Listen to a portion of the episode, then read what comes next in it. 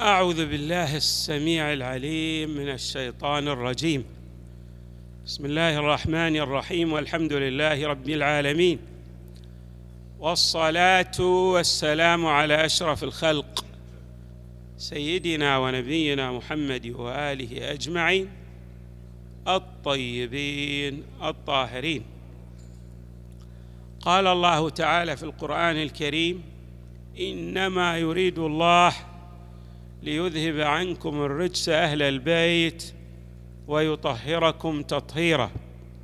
صدق الله العلي العظيم.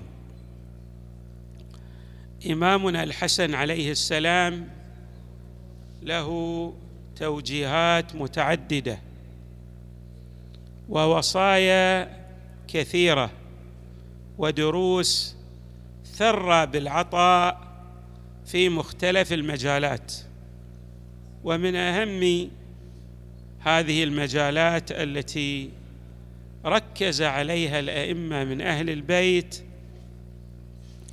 الكيفية المثلى في التعامل مع الغير وفي كون الإنسان يلتزم بمجموعة من الآداب التي تؤهله لدرجه عالية من الإيمان. من توجيهات الإمام الحسن عليه السلام في الصمت. وردت روايات متعددة في أهمية صون اللسان بمعنى أن الإنسان يعقل لسانه لئلا يتحدث بما لا يرضي الحق تعالى. قد تكون من الفصاحة بمكان ولكن لا يحسن بك أن تتحدث في كل مكان وفي أي موضوع من الموضوعات. حري بك أن تمسك على لسانك. من توجيهات إمامنا الحسن عليه السلام في هذا الشأن يقول نعم العون الصمت في مواطن كثيرة وإن كنت فصيحة. المسألة لا ترجع إلى الفصاحة والبلاغة بقدر ما ترجع إلى دراسة الموضوع وما يحيط به من حيثيات متعددة. فحري بالإنسان أن يلتزم الصمت وإن كان من البلغاء الفصحاء في بعض الموارد لأن في الصمت حكمة بالغة. أيضا يحض الإمام عليه السلام على التواضع ويشرح أن التواضع للإخوان فيه من الاسرار الكثير الكثير ومن أهم ما فيه أن يؤهل الإنسان لأن يكون من أولياء محمد وآل محمد.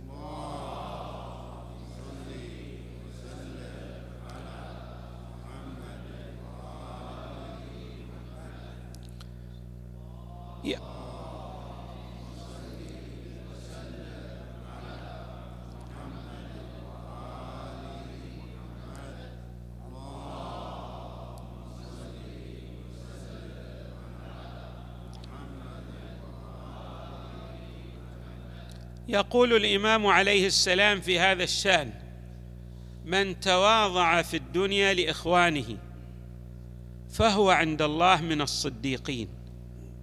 ومن شيعة علي بن أبي طالب عليه السلام. هنا الإمام يركز على أمرين.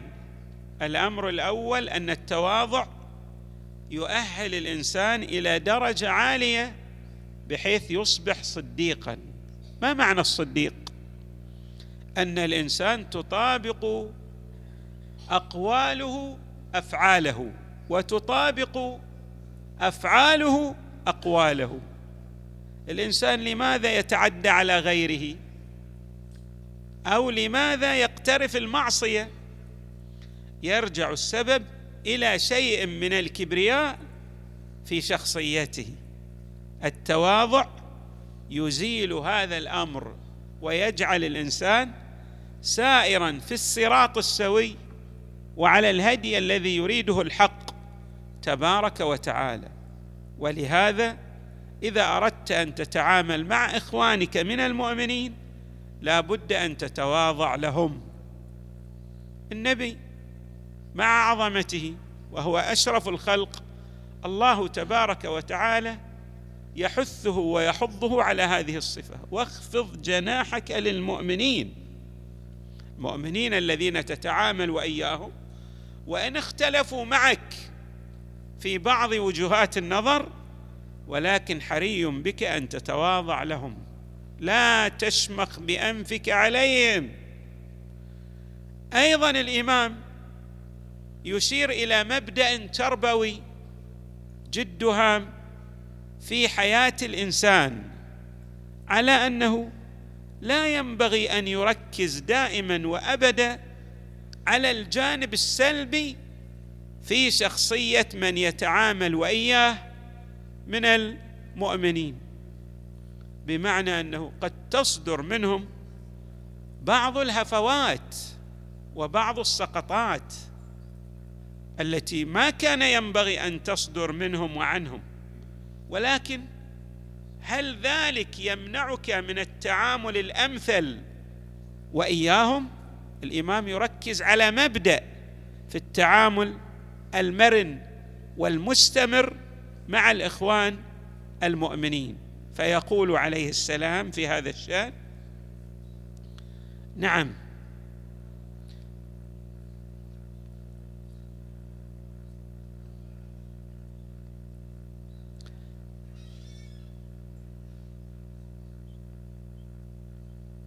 الغفلة مضمون الكلمة.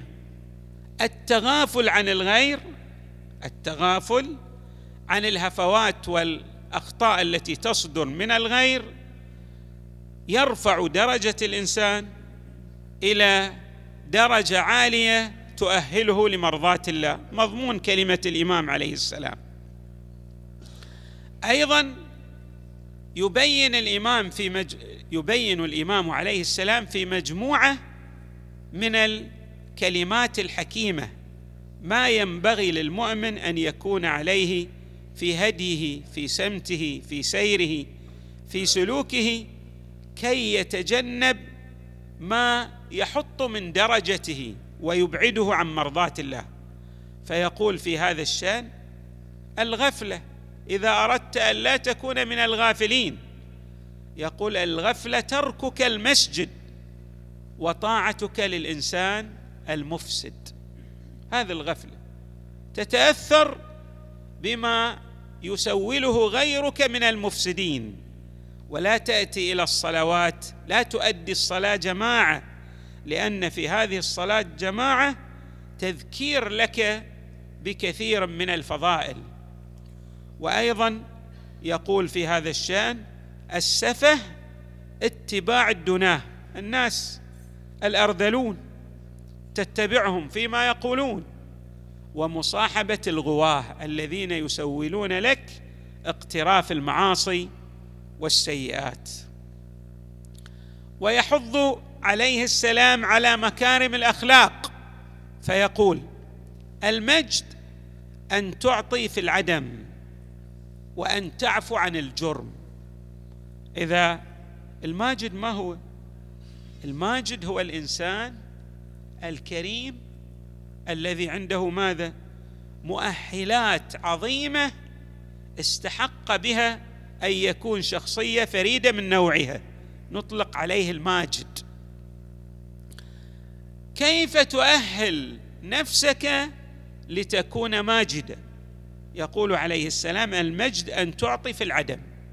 قد لا يكون لديك ما تمتلكه من المال أو من الجاه وما إلى ذلك ولكن تحاول جادا وتسعى جاهدا أن تعطي مع قلة ذات يدك المجد أن تعطي في العدم وأن تعفو عن الجرم.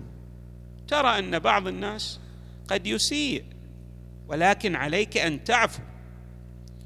أيضا يقول الإمام عليه السلام لا تعاجل الذنب بالعقوبة لا تعاجل الذنب بالعقوبة.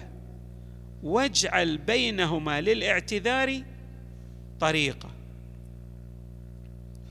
يعني من الواضح أن الأقربين لك بالخصوص قد تصدر منهم هفوات فلا تتعجل في إصدار ما يستحقونه على تلك الهفوات التي تصدر عنهم ومنهم.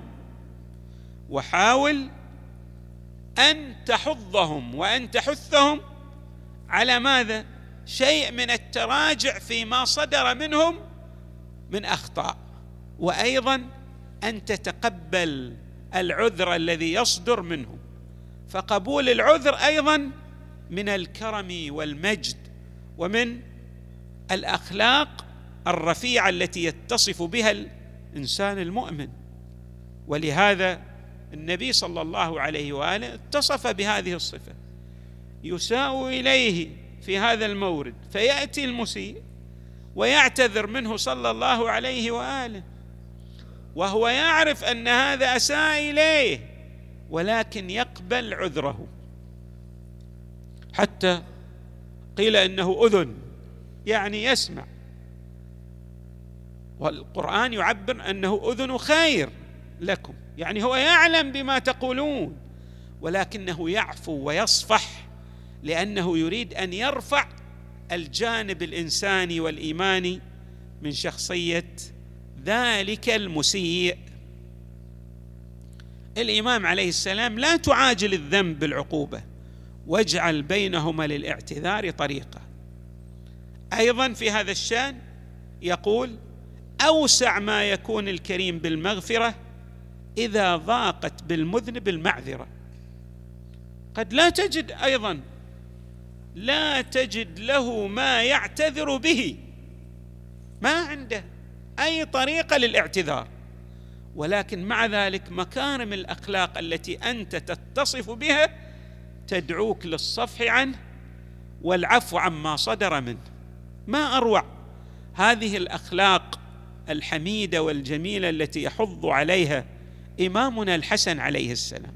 وحري بنا كمؤمنين وكأتباع لأهل البيت عليهم السلام أن نتعلم هذه الدروس بالخصوص في المناسبات التي تمر علينا في مواليد الأئمة وفي وفياتهم.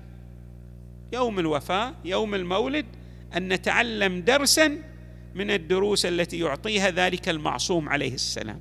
هذه دروس في الحقيقة في التعامل الأمثل من الناحية الأخلاقية والإيمانية للإنسان المؤمن يتعلمها في مولد الإمام الحسن عليه السلام.